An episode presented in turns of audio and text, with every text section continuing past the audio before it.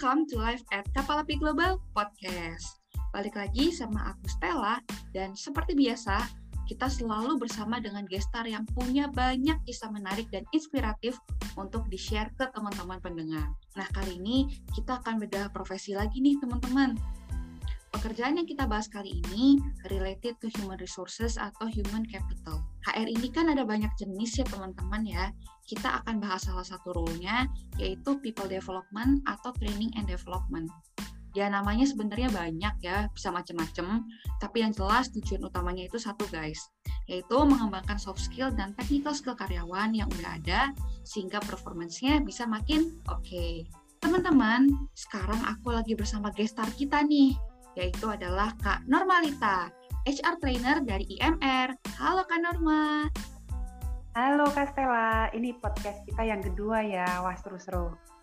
Ya, nah untuk teman-teman yang selalu ngikutin podcast live at KAG, pasti ngeh ya kalau beberapa episode yang lalu, Kak Norma juga jadi gestar loh tapi di topik yang berbeda, yaitu pengalaman jadi garda terdepan di dunia kopi. So, teman-teman, kalau belum ada yang dengerin, bisa monggo dicek aja ya, di scroll beberapa kali, entar juga ketemu. Gimana kabarnya Kak Norma? Wah, sehat Kak Stella. Aduh, Kak Stella gimana nih kabarnya? sehat dan mumpung akhir tahun ya kita harus tetap semangat nih kak jadi jangan mentang-mentang ini akhir tahun tapi semangat kita juga down tapi tetap harus stabil atau bahkan naik dari hari biasanya oke okay, kak kembali ke topik boleh dong kak. Um, Kak Norma buka nih dengan cerita sekilas. Cerita sekilas tentang posisi Kak Norma ini sebagai HR trainer. Itu kegiatannya ngapain aja sih kak? Oke. Kalau misalkan kegiatan di trainer tuh sebenarnya kapan waktu yang di podcast pertama kan aku udah mention tuh ya kak. Kayak hmm. bikin materi terus habis gitu ngedesain materinya isi konten materinya terus persiapan penyampaian bahkan sampai ke penyampaian. Nah di trainer tuh sebenarnya tugas besarnya adalah kita merubah seseorang itu untuk menjadi ke arah yang lebih baik. Mungkin dari skill ataupun knowledge ataupun mungkin attitude-nya juga. Nah tuh tugas utama kita. Gitu kak. Oke kak nah untuk menjalankan tugas utama itu kak Norma ngapain aja sih kak untuk caranya sih biasanya kita langsung ke training ya kak ya langsung ke penyampaian ke yang kita tuju nih uh, kalau yang dituju kita all staff sih semua mulai dari operation sampai ke support office gitu. Nah kalau udah training kita pasti nggak langsung lepas mereka. Pastinya biasa kita kasih tugas. Nah sebenarnya tugas tuh ada tujuan dan maksudnya kak kayak gitu. Terus kalau udah dikasih tugas, mereka teman-teman itu udah ngumpulin, kita evaluasi, kita cek. Nah kalau kita udah cek pastinya biasanya ada sih kak kayak evaluasi per tiga bulan atau per enam bulan itu kita lihat konsistensinya setelah diajari kayak apa ilmunya dipakai apa enggak kayak bermanfaat atau enggak kayak gitu sih Oke, kan Kak Norma kan perannya juga sebagai HR trainer nih. Berarti Kak Norma ada dong kayak kesempatan apa ya, maju gitu membawakan training. Kak Norma tuh biasanya kalau sana di depan publik gitu, membawakan training apa aja sih? Oke, kalau bawain training lebih banyak ke yang operation ya Kak Stella ya hmm. kayak mungkin mulai dari basic service skill terus habis gitu ke barista atau ke cook lebih banyaknya ke area situ sih Kak gitu. Oh iya ya karena Kak Norma sendiri punya banyak pengalaman nih sebelumnya bertahun-tahun di bidang itu ya. Bener Jadi banget. udah relate banget. Oke, Nah, terus aku mau nanya dong, kenapa Kak Norma bisa berada di posisi sekarang nih sebagai HR trainer? Ini atas keinginan sendiri atau diajukan oleh atasan atau kantor? Oke, jadi waktu itu Kak, aku dapat info dari rekan kerja. Kalau misalkan ada uh, ada kesempatan nih di posisi trainer. Nah, kebetulan waktu itu kan udah lulus kuliah juga nih Kak jadi aku coba-coba mengajukan diri abis gitu dari apa uh, pimpinan juga dites abis dites dievaluasi beberapa hari kemudian dikabarin kalau misalkan uh, bisa masuk di departemen training sebagai trainer tadi gitu kak Stella. Wih mantep kak. Gimana sih perasaan Kak Norma nih saat pertama kali ada di posisi HR trainer? Kan awalnya kan Norma kan udah bertahun-tahun di garda terdepan nih yang jalanin operasional terus ketemu customer tiba-tiba switch ke posisi office itu gimana perasaan kan Norma? Pastinya seneng ya Kak Stella apalagi kayak wah biasanya ngajari teman-teman kru yang pindah posisi dari junior kru ke senior kru itu masih satu dua orang. Nah ini tuh aku punya kesempatan buat ngajari teman-teman uh, yang jumlahnya lebih banyak dan aku senangnya itu kalau misalkan ilmu yang aku ajarin ke teman-teman itu bermanfaat dan dipakai kayak gitu sih kak. Hei, mantap mantap. Lalu ada nggak sih kendala nih yang Kak Norma hadapin saat pertama kali ada di posisi ini? Atau mungkin kendalanya masih berlangsung sampai sekarang? Oke, kalau kendala udah udah ngen, uh, udah ketemu nih obatnya kak. Jadi waktu itu udah di training juga tentang TOT, train for the trainer nggak nggak salah sih itu. Hmm. Nah kalau kendala waktu awal-awalan ya kak ya, itu kan biasanya kita itu ada di lapangan tuh banyak gerak, terus abis gitu ke sana ke sini lebih banyak apa ya uh, ngerjain sesuatu yang mungkin langsung ke lapangannya gitu. Nah, kalau di operasi uh, di support office atau di trainernya sendiri itu aku kayak tengah di balik layar, tengah lagi di depan layar kayak gitu sih Kak. Jadi adaptasi juga gitu. Terus uh, yang ada lagi waktu itu tuh pertama kali jadi trainer yang menjadi kendala aku adalah mencairkan suasana. Hmm. Cari uh, apa ya kayak bercandaan yang lucu. Kadang kan takutnya kalau kita bercandaan garing tuh kak. Nah hmm. kayak gitu sih. Terus habis itu bikin suasananya lebih hidup. Itu sih yang waktu itu jadi kendala. Nah dari situ akhirnya coba searching-searching bikin quiz terus bikin game-game. Kan waktu itu masih belum corona jadi kita bisa adain game gitu sih kak Oke, siap Kak. Berarti maksudnya kendala itu semua udah teratasi ya. Gimana sih caranya Kak Norma itu mencairkan suasana gitu supaya para audiens ya bisa lebih apa ya di awal? Lebih cair, lebih interaktif. Oke, kalau mencairkan suasana biasanya sih selain ice breaking juga game ini sih melatih konsentrasi sih. Terus kalau misalkan yang nggak apa yang nggak sesuai dengan instruksi, nah tuh ada hukuman kayak gitu sih kak. Nah di situ hukumannya kita bikin yang lucu-lucu supaya teman-teman yang lain tuh yang tadinya mungkin nggak bersemangat atau ngantuk bisa jadi apa ya fresh kembali kayak lebih hidup kembali kayak gitu sih kak. Mantap kak.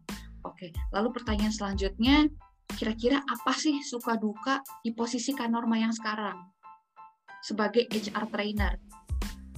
Oke, kalau sukanya pastinya paling seneng banget kalau dapat pembelajaran hal baru, Kak. Apalagi uh, pasti kalau pembelajaran hal baru ujung-ujungnya kan awalnya kan ke trainer dulu, tuh baru habis gitu ke teman-teman operation. Nah, itu sih aku senengnya bisa dapat pembelajaran itu lebih awal. Terus habis itu bisa banyak tahu. Nah, kalau dukanya tuh biasanya uh, apa yang kita trainingkan hasilnya itu nggak sesuai dengan uh, kenyataan atau realitanya. Nah, di situ itu waktunya kita evaluasi. Nah, evaluasi sendiri kan dari banyak hal ya Kak Stella ya, mulai oh. dari kitanya juga, mulai dari mungkin pesertanya juga, atau mungkin dari materinya banyak hal sih di situ. Itu sih dukanya Kak. Hmm, hmm, hmm, nah, itu dukanya tadi kata Kak Norma kalau seandainya apa ya ekspektasinya tidak tercapai gitu kan apa sih indikator gitu ekspektasinya tidak tercapai gitu apakah dari hasil evaluasi yang kurang kah atau pesertanya ngomong sendiri atau gimana tuh kak? Oke kalau indikator ya kak Stella kalau indikator mungkin bisa jadi attitude-nya sebelum di training dan setelah di training itu tidak ada perubahan sama sekali. Terus habis itu pengetahuan yang kita sampaikan pengetahuannya itu tidak diterapkan. Nah, kayak gitu sih kak Stella. Nah ini kan uh, training and development ini sebenarnya unik ya kak ya. Orang yang kita dealing with itu adalah orang yang dewasa gitu. Dalam artian mereka sudah di atas 18 tahun dan lain-lain gitu kan. Nah menurut Kak Norma sendiri apa sih bedanya belajar antara orang dewasa dan anak sekolah? Nah, kalau orang dewasa tuh mungkin lebih banyak ke praktek ya, Kak. Nah, di praktek itu mereka pasti dapat experiencing-nya. Kayak gitu sih. Terus, kalau misalkan orang dewasa biasanya pas waktu dapat experiencing atau memo uh, membekas ke, mem ke memori mereka, mereka akan melakukan itu. Nah, pada saat mereka melakukan hal tersebut yang kita mau, harusnya kita juga sertai, Kak. Kayak contoh nih, kenapa harus melakukan hal tersebut? Kalau misalkan tidak melakukan seperti apa? Jadi kalau misalkan mereka mau melakukan uh, atau memperpendek waktu, memotong waktu, mempersingkat waktu, mereka itu juga masih bisa berpikir secara panjang. Hasilnya seperti apa, sebab akibatnya nanti seperti apa. Kayak gitu sih Kak Stella. Ya, aku setuju banget nih sama poin Kak Norma ya yang harus ngejelasin kenapanya gitu ke orang dewasa kan karena sekarang kita kan orang dewasa maksudnya apa ya sudah punya otoritas gitu buat menentukan sendiri mau ngapain. Jadi harus dikasih tahu sebenarnya materi ini apa gunanya untuk aku, what's in it for me gitu kan. Jadi lebih ditekankan di why-nya di awal. Lalu setuju sih yeah. sama Kak Norma uh -uh, terkait dengan poin yang lebih banyak hal yang praktikal daripada definisi nih. Nah, lalu next question-nya, menurut Kak Norma, modal, sikap, atau keahlian apa sih yang wajib dimiliki oleh seorang HR learning and development atau training. Sikap ya kak, sebenarnya lagi-lagi kalau misalkan kita ngomongin sikap itu cukup banyak. Mungkin yang harus dimiliki oleh seorang trainer itu yang pertama mungkin public speaking. Nah, public speakingnya harus bagus dong. Mulai dari penyampaian, intonasi. Jangan sampai pas pada waktu ngomong kita tuh flat. Hmm, iya gitu. Mungkin nah, kalau misalkan kita ngomongnya flat, bisa jadi audiens atau pesertanya ngantuk dan nggak bersemangat kayak gitu sih. Hmm. terus habis itu penguasaan panggung. Nah itu juga perlu kak. Kalau misalkan online kayak gini uh, bukan berarti kita nggak ada penguasaan panggung. Masih ada eye contact. Terus uh, kita juga bisa memainkan tangan kayak gitu sih. Jadi tetap harus ada penguasaan panggung terus habis itu rasa percaya diri nah kita sebagai orang yang menyampaikan materi wajib dong wajib banget punya rasa percaya diri pada saat mau menyampaikan. Kalau kitanya nggak percaya, gimana audiensnya bisa percaya? Oke, benar nih aku setuju banget sama Kak Norma ya. Kalau seandainya kita tuh perlu modal public speaking, kepercayaan diri, keberanian gitu ya. Jadi kayak kita pernah ngomong di podcast sebelumnya ya. Jadi untuk orang-orang yang nggak punya urat malu nih sebenarnya itu adalah salah satu modal untuk posisi trainer gitu ya. nah kita harus lebih apa ya lebih talkative gitu supaya lebih mengengage pesertanya. Oke, tadi aku lupa nanya nih kan Norma udah berapa lama di posisi HR trainer di IMR? Mungkin ini mau dua tahun ya. Oh, mau dua tahun. Oke deh. Mantep lah kalau gitu kak. Oke, lalu the next questionnya Kak Norma merasa bangga nggak sih berada di posisi ini? Apa alasannya? Oke, sejujurnya bangga banget, bangganya pakai banget ya. Bangga gitu, banget gitu ya. Hmm. Kenapa tuh Kak? Kenapa kok? Yang dulunya aku tuh ngerasa Kak, uh, ilmu yang aku dapet itu cuma di sekitar atau di selip, uh, seputar operation aja ya kok berkasir itu semuanya bisa menguasai kayak gitu ya kak ya. Hmm. terus kalau yang di department training ini kita itu bisa menguasai lebih banyak hal kayak gitu sih belajar banyak hal baru. Utamanya yaitu di bidang kopi. Apalagi kita kan ujung tombaknya nih harus banyak-banyak belajar tentang kopi terus habis itu knowledge-nya juga harus ditambah banyak kayak gitu. Terus bangga lagi aku tuh ternyata uh, di posisi trainer ini bisa ngajar ke teman-teman yang ada di operation atau di support office kak. Kayak gitu. Nah di situ kita tuh tahu kan karakter orang masing-masing tuh kayak gimana dan kita tuh bisa berinteraksi sama mereka lebih dan bisa memahami satu persatu orang. Kayak gitu kak aku yakin sih maksudnya Kak Norma pasti bangga banget karena salah satu posisinya yaitu ya misalnya kalau misalnya kita berhasil membawakan training dan orang itu merasa training itu bermanfaat dan menerapkan poin-poin itu sehingga performance-nya bagus, orang-orang sekitarnya senang, itu adalah kesenangan yang paling apa ya?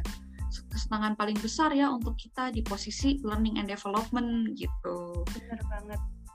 Benar banget Kak. Jadi ada perasaan apa? berguna gitu kan. Benar banget. Iya Kak. Kalau ilmunya digunakan bermanfaat itu senang banget. Iya nggak sih Kak? Iya setuju banget Lalu nextnya nih, dan aku sebenarnya senang loh sama jawaban Kanorma. Kanorma bangga dengan pekerjaan Kanorma gitu kan, dan cinta juga dengan pekerjaannya. Jadi maksudnya kan kadang kerja ada dinamikanya ya, kadang flat, kadang mudah, kadang susah juga muncak gitu kan ya, kadang sedikit, kadang banyak, kadang sedang. Tapi maksudnya kalau seandainya kita bangga dan senang, itu semua akan mudah gitu dijalaninnya ya, jauh lebih mudah. Dan kalau seandainya kita bangun tidur, itu tuh ada maknanya gitu. Oke, kerja gitu. Iya. Sip. Oke, next questionnya nih, sebagai pegiat learning and development, pasti Kak Norma nggak jauh dong ya dari yang namanya belajar.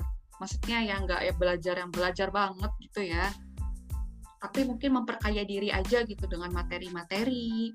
Nah, Kak Norma itu biasanya suka belajar topik terkait apa aja, lalu dari media mana aja.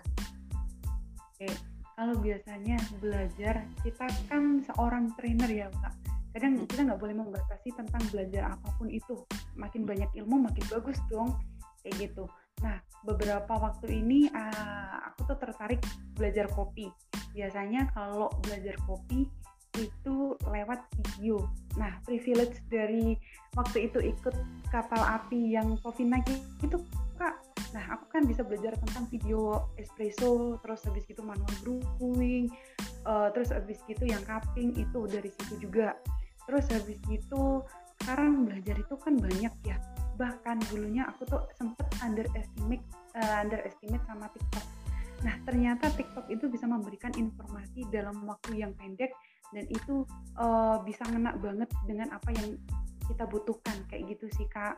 Terus habis itu bisa dari YouTube juga biasa putar-putar YouTube tuh kayak podcast selain podcast juga video-video lain tentang kopi kayak gitu-gitu sih kak. Oke, mantap lah Kak kalau gitu. Aku tertarik nih sama poinnya Kak Norma yang Kak Norma awalnya sempat mengunderestimate TikTok. Karena kita sama Kak. bener, bener, bener. Jadi maksudnya apa ya, realita itu kayak secara nggak langsung tuh menepuk bahu kita. Nggak boleh loh maksudnya mengunderestimate suatu platform gitu. Karena apa ya, kesempatan belajar tuh bisa kita dapatkan dari banyak platform. Nah, aku mau nanya-nanya nih, kira-kira channel YouTube kesukaan Kanorma tuh apa sih untuk belajar kopi? Atau bukan cuma YouTube sih, misalnya Instagram atau apa? Atau nggak harus tentang kopi gitu ya, misalnya terkait dengan pengembangan diri, konten-konten radio, apa aja tuh Kak?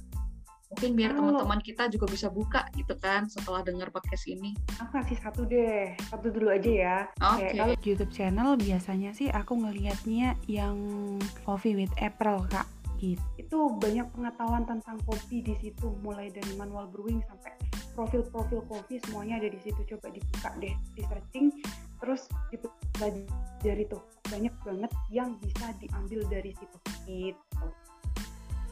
Oke. Sip kalau gitu. Jadi memang ya maksudnya posisi training and development ini kan banyak kegiatan yang terkait dengan mengajar gitu ya kalau seandainya mengajar dan memfasilitasi otomatis ya yang ngajar juga harus ada sesuatu gitu di kepalanya ya. Jadi maksudnya kalau kita ada rasa puas dan merasa cukup padahal di luar sana tuh dunia itu selalu berubah ada banyak hal-hal insight baru ya kita akan jadi tertinggal gitu kan. Dan Kak Norma ini Kak Norma yang aku kenal memang orangnya adalah seorang pembelajar makanya cocok banget nih berada di posisinya sebagai HR trainer Oke, kita langsung berangkat ke pertanyaan yang terakhir aja nih. Nah, Kak Norma punya nggak pesan untuk teman-teman yang lagi dengerin podcast ini? Nah, pesan untuk teman-teman yang lagi dengerin podcast, jangan lupa buat sering-sering baca, mendengar, melihat. Nah, dari tiga hal tersebut, kita pastinya dapat ilmu-ilmu yang baru. Nah, kalau kita udah dapat ilmu baru nih, jangan lupa buat share ke teman-teman di sekeliling kita supaya ilmu yang kita dapat itu nggak menguap sia-sia dan ilmu yang kita dapat pastinya kan berguna bagi teman-teman kita yang ada di sekeliling kita juga. Nah, biasanya kalau orang udah uh, baca, mendengar, melihat terus dapat pengetahuan baru nih Kak, itu jangan pernah untuk membatasi diri teman-teman buat mengalami perubahan-perubahan tersebut. Seperti itu Kak Stella. Wah, ini aku setuju banget sama Kak Norma ya. Jadi benar banget poin yang disampaikan Kak Norma ya kalau dirangkum dalam satu kata mungkin dua kata dua kata deh. Jadi kolaboratif ya. Dalam artian kita itu terbuka mau diberi dan mau memberi gitu kan. Mau diberikan ilmu, mau mendengar hal-hal baru karena kan dunia itu selalu terupdate ya apalagi di era fuka seperti ini di, mau dikasih kritik dan kasih dan dikasih saran dan juga setelah diberi ya kita give back gitu memberi apa yang sudah kita punya memberinya kepada orang lain tentunya dengan cara yang tidak menggurui dan tidak judgmental. Ini keren banget ya podcast kita hari ini. Makasih banyak Kak Norma ya udah sharing banyak di podcast ini. Kita jadi tahu sekilas nih tentang posisi learning and development, people development atau training. Nah, teman-teman, menarik kan pekerjaan yang satu ini? Teman-teman kira-kira ada yang mau juga nggak bekerja di karir pet yang sama dengan Kak Norma? Dan aku juga nggak lupa untuk ngucapin terima kasih banyak untuk teman-teman yang udah dengerin podcast ini dari awal sampai selesai. Sampai jumpa di episode selanjutnya yang pastinya juga seru dan insightful. So, tetap stay tune ya guys ya. Have a nice day Kak Norma. Dadah. Dadah, have a nice day Kak Stella. Bye-bye.